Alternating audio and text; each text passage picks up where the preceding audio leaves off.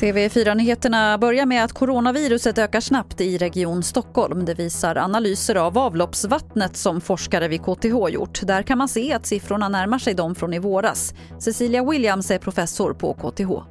Nu har vi analyserat alla veckorna efter sommaren och vi ser eh, väldigt mycket mer än vad vi trodde vi skulle se. Så det är tydliga nivåer i samma nivå som vi har sett tidigare i maj. Så vi var överraskade över att vi kunde se det så tydligt redan nu. Och mer om det här finns på tv4play.se. En polis i Västsverige får en varning efter att ha haft sms-kontakt med en kvinna när han var i tjänst och det ska ha förekommit olämpliga sexuella anspelningar i smsen. Mannen har sagt att han var ute efter upplysningar i sitt arbete och att det funnits en flörtig jargong. Men polismannen får nu alltså en varning av polisens personalansvarsnämnd.